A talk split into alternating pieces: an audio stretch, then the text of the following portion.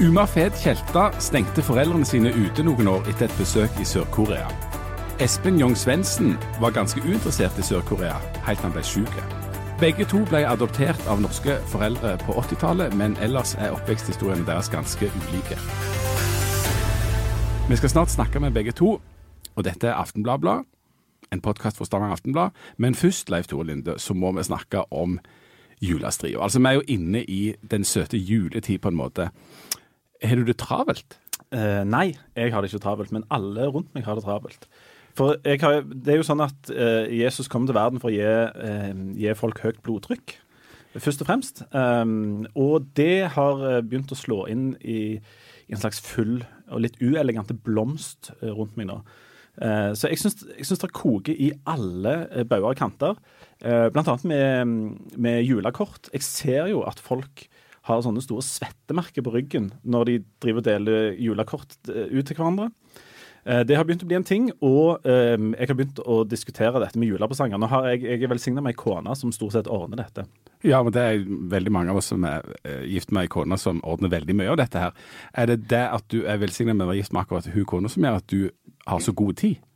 Nei, faktisk så var det sånn at når jeg fikk min andre unge, eller eh, midt mellom den første og den andre ungen, så la jeg merke til at det var et sånn et eh, Alle rundt meg hadde en slags sånn konkurranse om å ha det travlest. Um, og jeg, altså for 11-12 år siden, så tok jeg faktisk et av mine ytterst få bestemte livsvalg. Der jeg bestemte meg for at jeg skal ikke ha det travelt. Aldri i livet mitt skal jeg ha det travelt. Jeg kan godt ha mye å gjøre, og sånt, men jeg skal aldri ha det travelt. Men det høres jo sånn zen-buddhistisk ut, og nærmest sånn filosofisk ut. Men... Ja, og det ligger ganske langt ifra mitt uh, både indre og ytre, holdt jeg på å si. Men, men uh, jeg bestemte meg for å ikke ha det travelt, og det har jeg ikke. Men det fører jo til at jeg har veldig lav puls, sånn kontinuerlig hvilepuls. Um, som er en fin ting å ha i jula, men jeg har en mistanke om at det at jeg ikke har det travelt, det fører til at f.eks. hun som jeg er gift med for øyeblikket, hun må jo ha det travelt, for jeg nekter jo å ha det travelt. Men jeg forstår ikke hvorfor du ikke har det travelt, fordi at det er jo så mange avslutninger og julebord og arrangement, og jeg hører bare lyden av deg på jobb her. Vi sitter jo vi tilbringer egentlig kolossalt mye tid i lag, meg og deg. Eh, sannsynligvis altfor mye. Ja. Men du, det er jo ingen grense for hva slags selskap dere skal ha. I går hadde dere tolv på middag, og nå skal dere på frokost og lunsj og der. og så er det, altså, det, er jo, det er jo kolossalt mye du holder på med, da. Ja, men jeg mener det er en stor forskjell på å ha mye å gjøre og ha det veldig travelt. Du kan bestemme deg for at eh, ja, jeg har masse å gjøre, men jeg skal ikke ha det travelt. Altså, Pulsen trenger ikke stige for alt. I går var vi i, i, på juleavslutning med ungene på skolen. Og da eh, sitter du først, og så ser du på at ungene enten stuper kråke eller har på julenissehatt og, og framfører en slags form for sang og dans, eh, som jo er veldig flott. Da, da sitter du helt i ro. Eh, og Etterpå så går du ut og så spiser du grøt. Så kommer noen og serverer deg grøt, og så sitter du helt i ro og spiser grøt. Eh, og det, det er mange som, som opplever det som enormt travelt.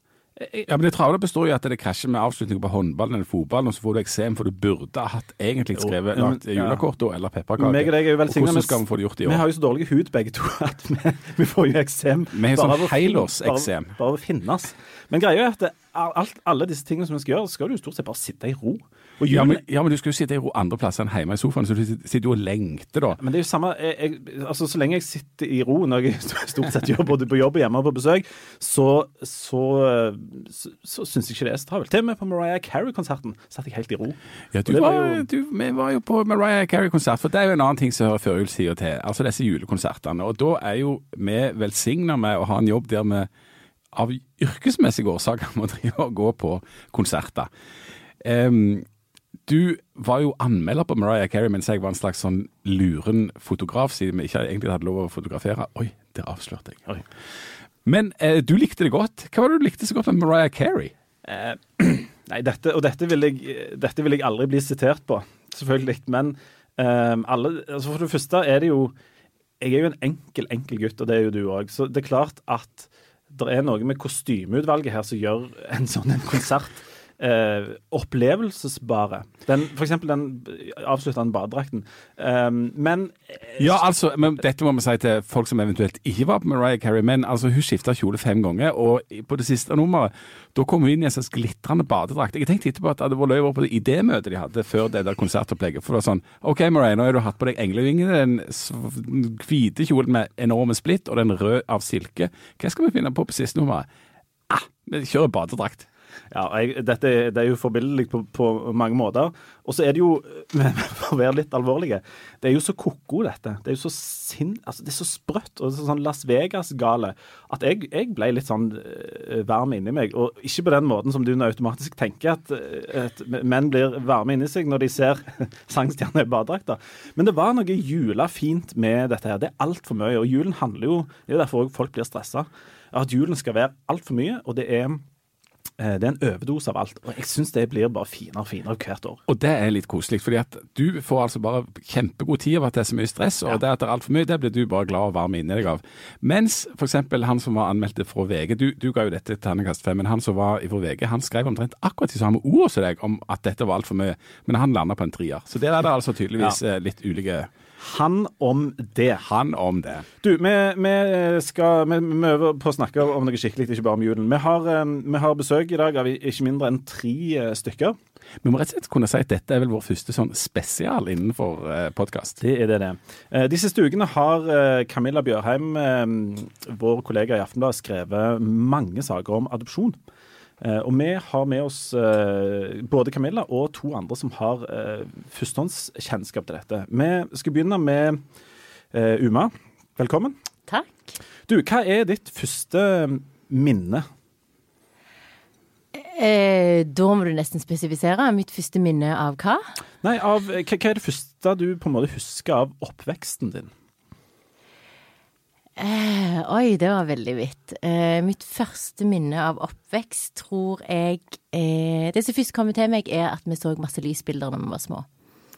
Det er familien benka foran eh, eh, I mangel av en TV eller andre sosiale medier. Eh, så hadde vi lysbildeframvisning. Og da er vi på Forus? Da er vi på Forus. Du er oppvokst på Forus. Riktig. Men du er en av ganske mange unger som kom til Norge på sånn 78 Du kom på 80-tallet, ikke sant? Ja. Um, kan du fortelle litt om, om, um, om, på en måte den delen av bakgrunnen din? Ja. Um, jo, jeg kom, sånn som du sier, som så mange andre. Så uh, Og fordi at Norge var veldig uh, et veldig kvitt Norge, så var det veldig opplagt at alle som uh, så ut som meg, vi var adopterte, og alle visste hva adopterte var. Eh, det som slo meg, var jo at alle, eller som har slått meg når jeg har blitt større, er jo at alle eh, har da et veldig sånn fellesbilde av hva adoptert var, og hvordan om de omstendighetene er. Hva, hva, hva, tenker du på da? Hva slags bilde er det vi snakker om da? Eh, da snakker vi om et bilde om at det er eh, stakkars fattige barn, eh, det er fattige land, eh, og at vi var veldig heldige da, som kom hit og fikk nye foreldre. Når skjønn, altså, Visste du at du var adoptert? Var det noen som fortalte det til deg? Er det noe du har funnet ut sjøl, eller hvordan foregikk det? Ja, si det. Eh, det er helt umulig å si, men det tror jeg er ganske sånn innlysende med en gang når du sitter der med kritthvite foreldre, og du ikke ser sånn ut sjøl. Så tror jeg det egentlig ikke trenger å bli påpekt engang. Jeg er ikke i barnehage engang, men det er bare noe en vet. Mm, mm. Det er på en måte en eh, ja, litt åpenlysfaktor, tror jeg. Hvordan var eh, oppveksten din på Forus? Eh, var det, det der med å være adoptert, det som, var det noe du gikk rundt og tenkte på at du var? Det var noe jeg ikke tenkte på hele tida. Og jeg tror eh, i forskjell til mine søsken, så gikk jeg hele tida og spurte om det. Og jeg konfronterte mine foreldre veldig voldsomt med det. Men det var vel i en slags som eh, Sånn som jeg har liksom jobbet med i seinere tid. Eh, det er noe en går og lurer på, da, bare på en sånn vanlig, barnlig måte. Eh, og for noen er det mer fremtredende, og for noen er det ikke det. Og så Akkurat som barn er helt vidt forskjellige, eh, tror jeg. Så jeg hadde mange faser hvor jeg eh, fortalte til mine eh, venner at mine foreldre var ikke mine ekte foreldre, de var mine adoptivforeldre. Jeg hadde faser hvor jeg kalte dem ved navn. Jeg hadde faser hvor jeg eh, når mor f.eks. kjefta på meg, så fant jeg ut veldig liksom kløktig, da, syns jeg, at jeg kunne bare se på henne med et rart blikk, og så kunne jeg si ja, men du er jo ikke min eh, mamma. Så det tror jeg ikke du kan uttale deg om. Espen Jong Svendsen, hvor vokste du opp? Du, Jeg vokste opp på Grannes, eh, like ved Nåseter. Gikk du òg rundt og tenkte sånn som dette når du var liten? Nei, jeg gjorde nok ikke det like mye som Uma har gjort. Jeg eh, tenkte nok mer på at eh, sånn er det bare. Eh, jeg svelgte nok bare den, eh, den klumpen hvis jeg hadde den. Eh, selvfølgelig, jeg følte jo alltid jeg så annerledes ut. Jeg satt jo rundt, rundt bordet med som du sier, litt hvitere mennesker enn meg sjøl. Men det er det eneste jeg hadde et forhold til, og da var det naturlig for meg å forholde meg til det. Og se seg sjøl i speilet som en brun gutt. Det var liksom det, det, var noe som jeg på en måte bare lot, lot være å konfrontere. da. Ja. For Når kom du til, til, Norge? Jeg kom når jeg var fire-fem måneder gammel. Ja. Sånn at dine første minner er heller ikke fra Korea? Nei, men jeg, eh, når jeg var liten så var det jo veldig mange spørsmål. Eh, kan du koransk? Eh, hva ord kan du? Ja, litt sånn som det var det jo. Så burde jeg kanskje lært meg litt etter hvert. Ja. Men du, du, vokste opp, og, altså, og, du sa i den grad det var en klump, men det var ikke noen veldig sånn tydelig eller store klump, da, siden du klarte å svelge den så lett? Nei da, jeg har vel aldri, jeg har vel aldri dratt det så veldig mye med meg videre akkurat det, fordi jeg har hatt så veldig godt nettverk rundt meg som egentlig aldri har brydd seg om om jeg ser sånn eller sånn ut. Eh, så jeg følte vel like så mye at det var andre som fikk eh, høre ting sånn de så ut av helt andre grunner enn hudfarge, eh, eller at de kom fra et annet land. Så den klumpen har jo sikkert vært et sted, men, men, jeg har aldri prøvd eller tenkt at jeg skal lete den klumpen noe særlig fra meg. Og du har ikke kjent noe sånn savn heller da etter, etter på en måte sånn altså biologisk opphav eller identitet eller noe sånt. Du var en, en kar fra Grannes, men med noe brunere hud? Ja, primært sett. Altså, jeg, selvfølgelig innimellom så kan det være at jeg har hatt sånn litt tanker rundt det. sant? Altså, det er ikke noe sånn at jeg har ligget i seng og, og, fundert eller tegnet noen kart i hodet mitt av hvordan ting kanskje henger sammen. Eh, og det handler nok primært sett om at jeg har hatt det så eh, Altså, jeg har hatt det veldig fint eh, der jeg har hatt det, og kanskje òg skjøvet litt tingene vekk fra meg òg, da, på ja. akkurat det. Og såpass eh, godt har du trivs her, og såpass lite interessert har du vært i Korea at du til og med takket nei når farten eh, spurte om du ville være med til Korea på eh, fotball-VM. Ja, det er jo kan... det, Her må jeg bare si, det er galskap. Fotball-VM, uansett hvor det arrangeres i verden, så skal du si ja til å være med. I voksen alder så har jeg angra på det, Leif Tore. Jeg har ja, angra på det. Men, men akkurat der var det noe med det det der, eh, det, altså Dette var jo etter, etter 98-VM i Frankrike. Sant, så var jo patriotismen for norsk landslag var jo ekstremt stor. Eh, og så har jeg jo vært veldig sånn eh, Når jeg har fulgt fotball, da, så, så, har det vært veldig viktig for meg å være lojale eh, mot de jeg følger. Eh, om det er Viking eller Liverpool eller Norge, så har det liksom vært sånn et sterkt bånd. Eh, og, og, det gjaldt òg her, at når Norge ikke kom til VM, så var jeg egentlig litt uinteressert igjen. Ja. så meg og far hadde en sånn liten vi satte oss ned når Norge røyk ut av kvaliken. Satte oss ned i stolene hjemme og snakket litt om skal vi reise, spurte far. Og da sa jeg jeg vet ikke om jeg har så lyst nå lenger. Jeg var ganske deprimert for Norge ikke kom til VM. Eh, og så eh, og så begynte han nei, jeg er litt enig sjøl òg, men dette det er du som må bestemme. Og sånn, og så husker jeg at vi hadde en liten drøs om dette. da.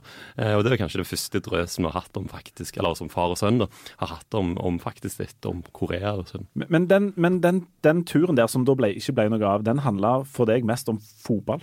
Fotball eh, og Norge til VM. Mm. Eh, selv, om var, selv, om du da var født i dette landet det var snakk om, så var det fotball Det var der diskusjonen starta hos dere? Jeg tror jeg heller ville takket ja til en tur til Mallorca, nesten, enn en, en akkurat fotball, enn akkurat Sør-Korea. Men, men, som sagt, nå når jeg har blitt voksen, så har jeg sett på det at det, å oppleve fotball-VM hadde jo vært sinnssykt gøy, men da var det det å oppleve Norge i VM. Ja. Og, og, men altså, her må jeg bare bryte inn, ja. fordi at jeg må bare si at akkurat de spørsmålene du stiller, er akkurat det jeg liksom eh, setter litt eh, spørsmålstegn ved. Fordi det er mye føringer, og da kommer vi til den debatten om arv og miljø. Hvor mye en på en måte tenker på ting da, eh, og hvor mye en faktisk begynner å tenke på ting fordi at miljøet begynner å liksom mm. påpeke det. Og det er det jeg tror som er med disse tingene. at det, Sånn som vi sier, at vi har jo alltid sett at vi er annerledes. Det kommer på en måte ikke unna i forhold til da innenlandsadopterte i Norge. Eh, de har liksom ikke kjent på den samme. Men hvis det første blir kjent, så er det en veldig sånn allmenn sånn eh, forståelse av adopsjon. Og da blir alle disse Akkurat som det er lada, da. Som en Å ja, ja, men det, du ville ikke dra engang til det som var ditt hjemland. Eh, og da legger en på en måte allerede en, en føring, da. En ganske sterk føring. Fordi at jeg tenker automatisk, og, og her, for å være helt ærlig, jeg tenker mm. automatisk at eh, både du, Espen, og du, Ma, eh, på et eller annet nivå må være interessert i Eh, å finne ut ting. Eh, må være interessert i Korea på et eller annet vis. Og da hopper jeg jo på en måte bukk over at altså, dere var et par måneder når dere kom hit. Men jeg tenker, og sånn er det bare, at dere må være interessert. Men, men du begynte å feite med dette ganske tidlig, gjorde du ikke det? Jo, men da må jeg nesten spørre bare tilbake. Hva er det som gjør at en begynner å tenke sånn, da? Nei, det er jo det med Er det bare utseendet? Nei, Ja, hvis du ser at du har sånn svart hår, så har du Ja. en annen type øyne. Ja. altså, altså, Ja. ja, men du skiller deg ut eh, sånn, Ja. i, i hvordan du ser ut. Du ser annerledes ut enn en, en hvis du var eh, Altså enn mange andre på Forus. Ja. Eh, så da, det er jo, en, det er jo en, en sånn nærliggende tanke da, at hvis noen ser ut som de ikke er fra Forus, så tenker du at de er fra en annen plass. Ja. Og det er også et annet Ja. element som jeg har tenkt på oppi dette her, det er at uh, det med at eh, på en måte den, den aller første biten av historien eh, ikke er kjent. Jeg, jeg tar meg selv i å tenke at det er et slags sånn mysterium som på et eller annet vis må nøstes opp og finne, finne ut av og sånt. Jeg, jeg, men sånn er det kanskje ikke. Jo, men der er det jo akkurat det, da. Og det er jo en felles forståelse at det er et mysterium for alle. Og det er det jo virkelig ikke. Det er jo veldig mange, akkurat sånn som Espen, som har en veldig liksom eh, grundig informasjon om sine foreldre. Og hvorfor de ikke kunne ha han, og at det forholdet ikke eh, var noe forhold etterpå. Når de, altså sånn. Eh, så nei, og det er det jeg som slår meg, liksom. At det, det er en veldig liksom konsensus, da, om at det er ja, eh, fra det landet. Eh, og at du ikke vet noen ting, og at det er fattige land, eh, som det heller skjer, og at alle land bare generelt som er utlandet, da, bare blir òg like land. At det ikke er forskjell på Colombia og Sør-Korea.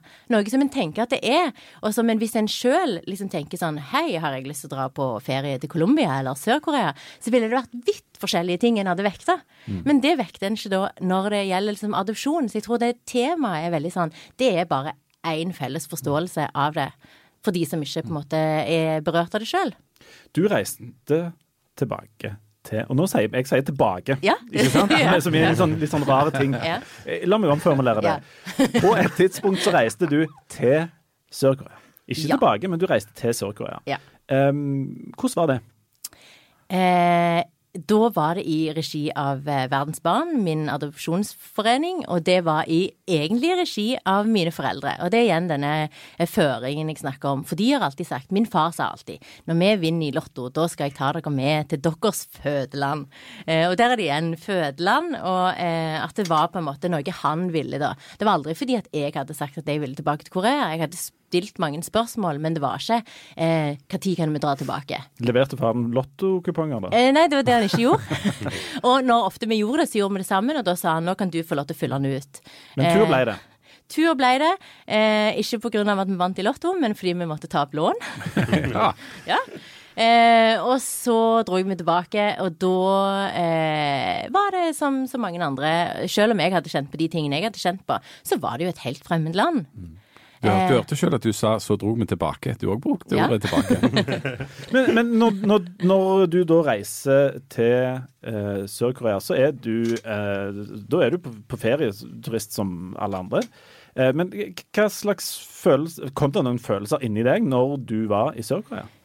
Ja, både òg, men igjen da med denne arv og miljø, fordi at det var på en måte en slags en, eh, veldig kunstig setting. For det er Adopsjonsforeningen, og vi skal se vårt hjemland. Det er veldig lagt opp til disse tingene. Men sånn som du sier, vi var egentlig bare turister som så et land, og vi skulle se så utrolig mye. Men det var veldig fokus på eh, kjenner dere noe igjen, hører dere lyder, lukter, det er veldig masse. Og så ble vi forespilt mye, så jeg vil si at det er egentlig litt sånn føring, da. Eh, og når en ikke føler det, så begynner en å tenke på «Å, hvorfor føler jeg det ikke. Men hadde en reist som kanskje privatperson, så hadde en ikke kommet på de tingene. Da hadde han liksom ja, tatt ut ifra sin personlighet.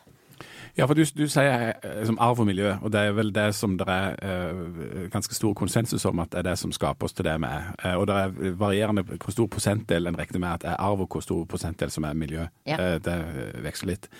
Eh, du Espen, du ble plutselig interessert i, i bakgrunnen din eller opphavet ditt av litt andre årsaker, og litt sånn overraskende årsaker etter å ha på en måte ikke tenkt så mye på dette. Um, og da kommer vi til ikke miljø, men til dette med arv. Hva var det som skjedde med deg? Nei, jeg eh, ble eh, Jeg følte meg ganske dårlig og syk på, på høsten 2015. Og så eh, lot jeg det gå mange, mange, mange lange måneder. Eh, for jeg har aldri vært den som springer til legen med første eller andre eller tredje sykdom. Du er en mann, du vil ikke gå til legen? Nei, du kan vel kalle det det. Jeg eh, vil vel påstå bare at jeg er sta. Jeg har altfor mye stolthet til å eventuelt, eventuelt få beskjed om at du bare var forkjølt. Ja. Eh, nei, så begynte det jo med at jeg, at jeg sleit med å komme meg opp trapper og, og, og gå på toalettet sjøl og den eh, diverse ting. Eh, som er da helt hverdagslige ting. Og da oppsøkte jeg lege, og så fikk jeg en, eh, etter hvert en diagnoser på en rekke autoimmune sykdommer eh, som, som, kan angripe innvendige organer og, og, vev i kroppen. da. Ja, for da dukker det opp noe som er veldig sånn håndfast, da, på en måte, som ikke handler om identitet, men som handler om altså arv og, og genetikk og sånt. Du har sjøl eh, barn og begynner da å lure på henger dette noe sammen med genetikken. Ja. Det stemmer. Ehm, jeg, har jo blitt et mye mer følsomt menneske, spesielt etter jeg fikk eh, en unge sjøl. Kjenner veldig godt til den, du. Ja, det er veldig mange som kjenner til den. Det har jeg aldri hørt om, det er helt fremmed. Det er vondt med disse julefilmene nå i desember. ja, ja. Nei, så, vi hadde jo, eh, så, så, kjente jeg jo litt på dette følelsesgreiene med at, at det kan være greit for meg å vite hvis sønnen min en gang eh, når han er 16 eller 26 kommer og sier til meg at eh, du, jeg har skikkelig vondt i beina, jeg, jeg klarer ikke å gjøre ting skikkelig. Altså, da, da, har du noen knagger å henge det på. Mm. Eh, og så er det litt viktig for meg òg, sånn at jeg kan skape et litt mer bilde og et kart av familien min eh, fra meg, da nesten, da, mm. Eh, og utover. Eh, og kan kanskje ha noen andre knagger å henge det på lenger bak i, bak i historien. Da. så jeg begynte jo litt å tenke på det for noen måneder siden, at dette, må, dette, dette kunne vært interessant å vite. Og så lå jeg inne på sykehuset en lengre periode, og da var det mm, legene som kom til meg og spurte rett ut vet du, vet du noe om, om andre slektninger, har du noe opphav? og jeg hadde jeg har jo alltid vært interessert i, i slekta mi i Norge. Eh, jeg har spurt far mye og mor mye om ting. Så jeg kunne jo bare referere til det. Eh, men det har jo ikke så mye å si. Eh, jeg har tanter, onkler og, og, farmor og det ene og det andre som har slitt med noe av det samme. Men, men, men det var jo ikke relevant for, for min del, da. Og derfor så ble det jo litt interessant å, å kanskje gå noen tjenesteveier for å finne ut av har, har dette noe sammenheng med, med arv. fordi det, det, er en veldig sånn Eh, sykdommen er litt diffus. Så det er jo sånn at eh, du, du, på en måte vet jo ikke helt sikkert om man er arvelig, om man er miljø, hva har det med kosthold eller klima å gjøre. Eh, det kan ha med alt det å gjøre. Men selvfølgelig, hvis jeg hadde visst at eh, far min hadde det i Korea hadde det samme, og, og mor og han der hadde det samme, og, og, og, så videre, så kan jeg jo vite litt mer om det, og ikke minst hva, hva konsekvensene av det har vært. da. Mm. Så derfor så fikk jeg jo litt mer interesse for det. Ja. Men du har ikke vært der ennå sjøl? Men... Nei, jeg prioriterte Mallorca. Eh, ja. men, eh, men jeg, jeg men jeg har jo vurdert, eller jeg vurderer jo fortløpende å reise. Jeg er litt eh, Pga. sykdom så har jeg litt sånn at det kan, det kan plutselig blusse opp og, og, være helt utslått i tre måneder. og Så jeg kan ikke forhåndsbestille ting, og det, det er jo litt dyrt. Ja. Hvis jeg skal kjøpe en eh, enveisbillett, holdt jeg på å si, og, og, eh, dagen før jeg skal reise, eh, så går ikke det heller. Og så har jeg jo veldig lyst til den dagen jeg skal ta, reise, at jeg tar kanskje med meg guttungen og, og, fruen, og så lar de få lov til å være litt moralsk eh, støtte. Eh, men jeg har ingen jeg har ingen behov emosjonelt eller, eller, følelsesmessig for å finne ut av eller for å treffe mine biologiske foreldre eller biologisk slekt, men det hadde vært fint å funne ut av biologisk opphav eh, til tross. Mm. For deg har det, har det, er dette nå blitt en sånn praktisk ting, ikke sant? For å finne ut av noe. Altså Du har en helt sånn praktisk eh, oppgave, holdt på å si, hvis du reiser med å finne ut noe av dette? Ja, det blir det. Eh, egentlig mest det. Så, så, er det jo litt sånn, jeg er jo litt sånn, alltid litt sånn småredd for hva skjer når jeg først er der. Eh, og det har jeg på en måte måttet tenke mye gjennom. Eh, og det er jo derfor jeg på en måte ikke har hasta fram noe her heller. Eh, fordi at jeg, jeg, tror nok jeg må gå litt dypere i meg sjøl enn bare det å tenke at jeg skal reise på en ferie. Men, men så er det igjen det at jeg er jo veldig interessert i å reise generelt sett. Og Jeg er veldig interessert i å møte andre kulturer, om det er koransk eller om det er meksikansk eller om det er Eller Mallorca. Eller Mallorca. Men, men de, de, de, at de har kultur på Mallorca òg. Du vet jo ikke, jeg har møttes mye. Ja, det er en del norsk kultur òg der. Så det... og mye ukultur på Mallorca. Du, du har eh, det, det, er din. Uma, du har, eh, du har vært der. Og når du kommer tilbake etter noen år, så eh, på en måte skjer det seg litt mellom deg og foreldrene dine. Hva er, som, hva er det som, skjer der? Det er noen år der dere ikke har noe særlig kontakt? Ja, og hvorvidt det skar seg etter den turen, det tror jeg ikke egentlig har eh, det, det, tror jeg ikke henger sammen, men det var mer det at en begynner å bli større. Og det er det jeg tror når jeg snakker med arv og miljø, at en trenger å bli litt eldre for å forstå nettopp den eh, veldig sånn innfløkte veven hvordan arv og miljø er, da. Og spesielt sånn som du sier med at Espen har noe veldig håndfast, så er sånne emosjonelle eller liksom psykiske ting da veldig lite håndfast. Eh, det jeg tror eh, som er det håndfaste, er at eh, når en ikke kan henge ting på knagger, da blir jo ting veldig rotete.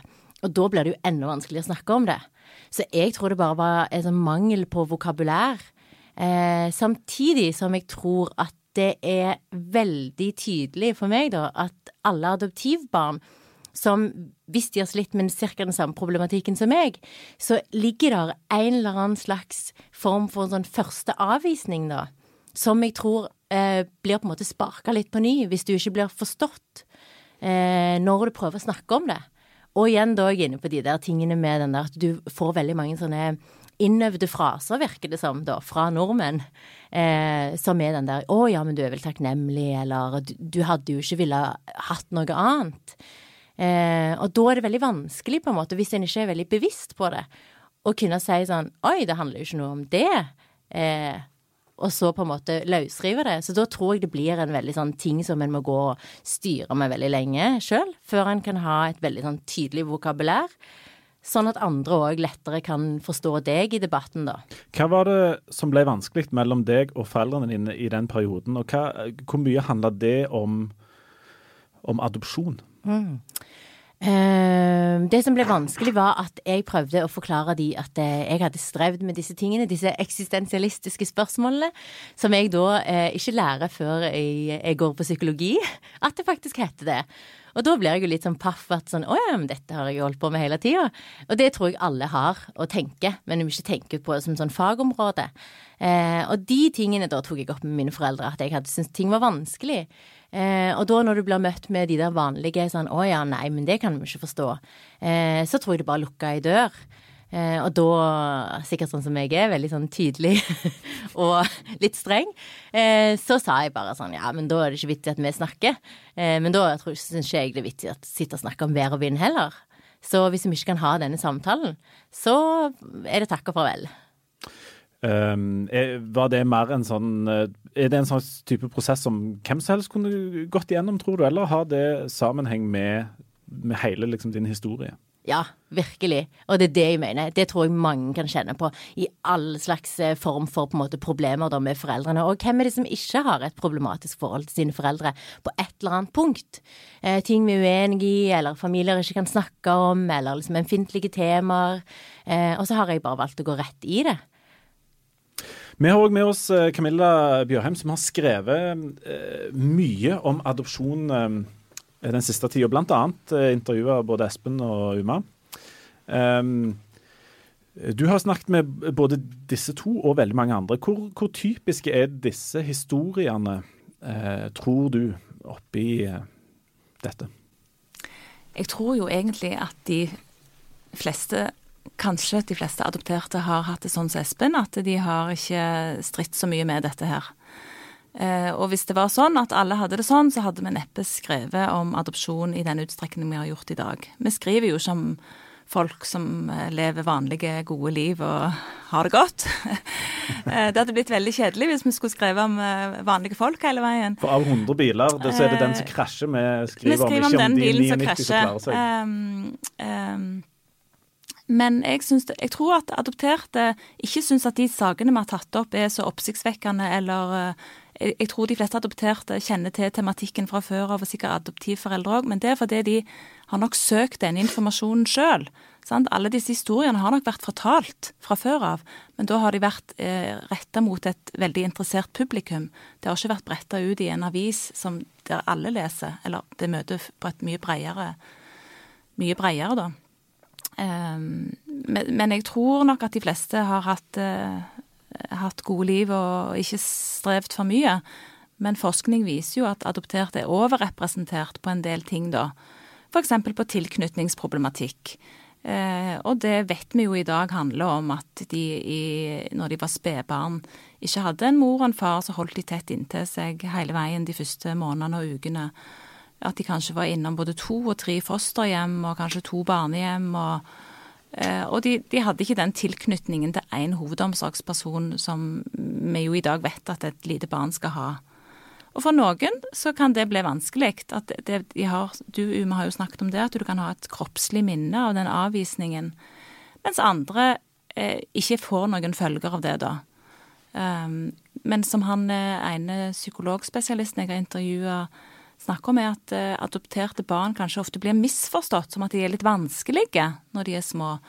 Men de er jo ikke det. De har, tilknytnings, uh, de har tilknytningsvansker fordi de har opplevd noe som babyer.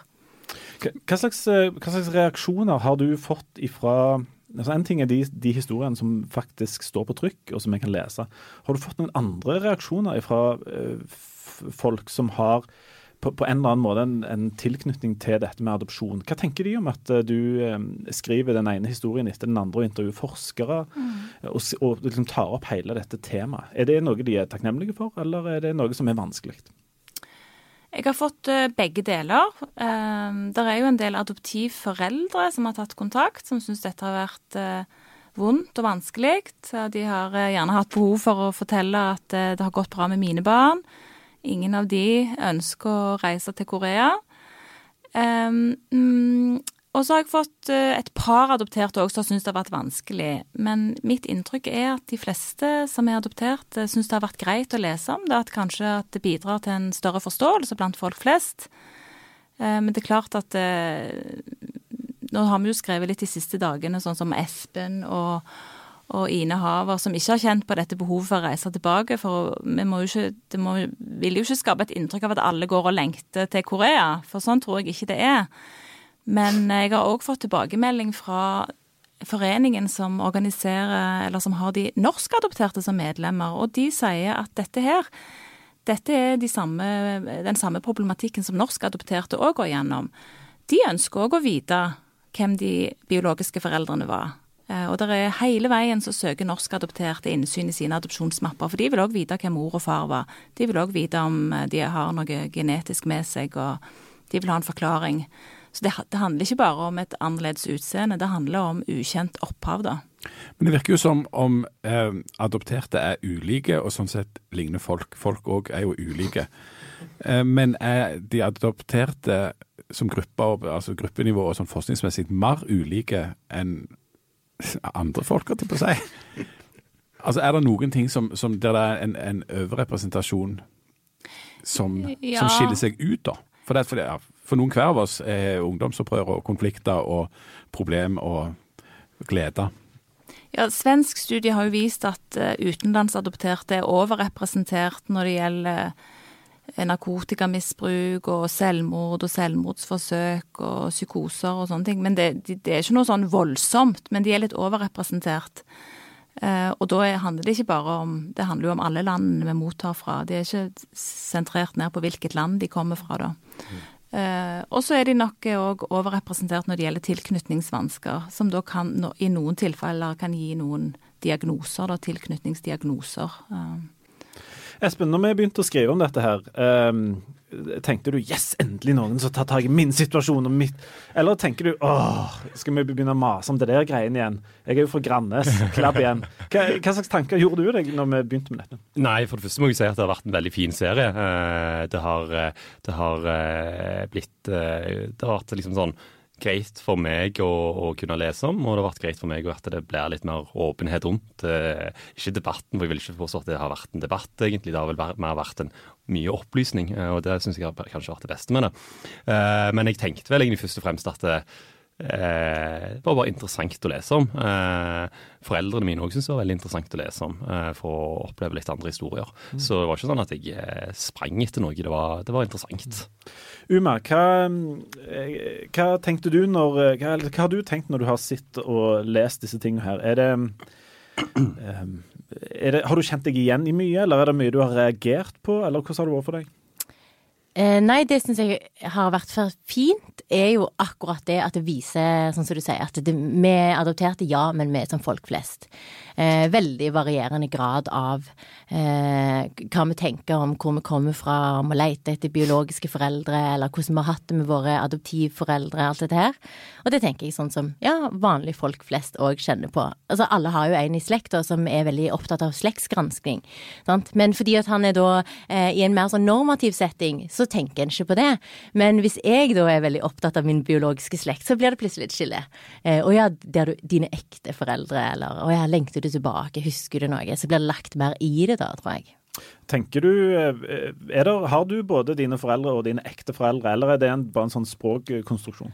Ja, det tror jeg har blitt en språkkonstruksjon Altså en ja, miljøet da på en måte skader, vil jeg si. Fordi at han har hørt det så mye, så han har liksom skilt. Samtidig så når han er i en debatt om adopsjon, eh, så syns jeg det er viktig å skille der, da. Og da tenker jeg på eh, at det, det samme går på fosterbarn eller annen type problematikk hvor en snakker om forskjellige omsorgsgivere, da. Og at det er bare veldig viktig liksom, å, å, definere. Men det er ikke viktig for en befolkning å på en måte måtte sette den i bås da, eh, med ditt hjemland eller liksom dine ekte foreldre, dine ekte søsken. Eh, og det er jo det samme som ofte nå, de nye familiekonstellasjonene med eh, skilte barn og bonusbarn, og der òg har vi jo sånne eh, navn, da, som jeg tror eh, kan bli for noen på en måte en slags sånn miljøfaktor som gjør at en ser på det sånn, selv om en ikke liksom føler det sånn. Meg og deg, Jan, vi lever jo av dumme spørsmål. Ja, absolutt. Eller, I våre heldige øyeblikk så stiller vi gjerne noen smarte. Um, Nå er jeg spent på hva som kommer. Ja, jeg er litt spent sjøl, faktisk. Du, vi, skal, vi, skal, avslutte, men jeg tenkte bare å spørre uh, både Espen og Uma før vi gir oss. Hva, hva, er liksom det dummeste spørsmålet eh, dere får som handler om disse tingene her? Altså, Jeg merker i starten her, vi plumper jo utpå med eh, masse ting som liksom bare ligger bak i hjernen. Men vet, du, men, vet du, hva, det syns jeg vi skal gjøre òg. Yeah. Fordi at, for det, for det at, uh, ja, skal vi det? Skal, vi, skal vi spørre om disse tingene? Ja, for, for, for, hvis, skal, hvis, hvis, jeg skal gå rundt og tenke sånn at oi, nei, der er det noen med svart hår eller skeive så nå kan jeg ikke snakke vanlig der. Nå må jeg passe på å drive med sånn sjølsensur. Da blir det iallfall en sånn forskjellsbehandling som jeg ikke er interessert i å drive på med, som jeg håper dere heller ikke er ja, interessert i å bli utsatt for. Det er veldig lett for meg og deg å si, men jeg vil gjerne ha, høre hva dere altså, tenker. Jeg, jeg, må jo bare si at jeg, jeg, spør jo folk hvor de er fra, om de snakker, om, de, om jeg hører at de kommer fra Stord eller noe sånt. Altså, jeg spør jo ja, hvor er du fra. sant? Altså, det, det, må jo gå an å kunne ta de eh, altså, og, og, si sånn. Eh, eller, eh, eller, f.eks. at jeg hører på dialekten din at du ikke er herfra. For eksempel. det er jo sånn ofte du, når du snakker med folk fra andre byer eller andre steder, eller med gebrokkent, eller hva det er for noe. Eh, så jeg, jeg, jeg syns akkurat sånn som Jan sier, det, at vi må, vi må, bli spurt, og vi må, og vi må kunne snakke om det. Jeg syns det er veldig fint å kunne snakke om det òg. Uma, skal vi, skal vi, spørre, eller skal vi bare ja, spør. Spør dumme spørsmål. er, det, er, det, litt sånn som når folk er syke? Espen, du, er, er det bedre at, eh, at, vi snakker og, og spør om disse tingene, enn at vi bare later som det ikke fins? Ja, til, til dels uh, syns jeg det. Altså, jeg syns det var en lettelse for meg å gå ut og si i pressen at jeg, at jeg var syk. For det, det blir ofte er jeg på et uh, treff eller middag, og folk kommer og springer bort til meg og sier at du Sallan, du har blitt så ekstremt tynn, har du trent mye i det siste? Ja. Eh, og så er, det, så er, det, kanskje cellegiftbehandling som gjør at jeg, at jeg, har blitt der jeg har blitt. Eh, og så er det sånn at jeg, hvordan hvordan skal jeg svare da? Eh, så jeg syns ofte at det er greit at ting bare ligger der ute, og så kan vi heller snakke åpent om det. Eh, og, og, og det er godt at folk òg selvfølgelig spør. Jeg trodde faktisk at du hadde blitt tynn fordi du er Liverpool-supporter, og etter hvert har hatt så mange magre og skrinne år at det, liksom, det er det som har tæra på deg. Au. Men det er det altså ikke. Da uh, vet vi det, har vi lært noe i dag, Jan, og det er at uh, vi, kan bare, fortsette å stille dumme spørsmål. Spør og grave. Uh, tusen takk for at dere kom, både Uma, Espen og Camilla. Vi er tilbake om ei uke med der vi skal snakke om helt andre ting. Vi Vet ikke helt hva det blir ennå. Nå er det hjem og bake sju slag. Jeg skal gjøre det med enorme hvilepuls mens jeg ser kona mi som blir piska rundt som et sånn skinn, som, og der, der, blodtrykket bare stiger og stiger. Eh, gå gjerne inn og abonner på podkasten vår, og gi den masse stjerner i iTunes og sånne ting. Og så snakkes vi om eh, ganske nøyaktig ei uke. Takk for nå.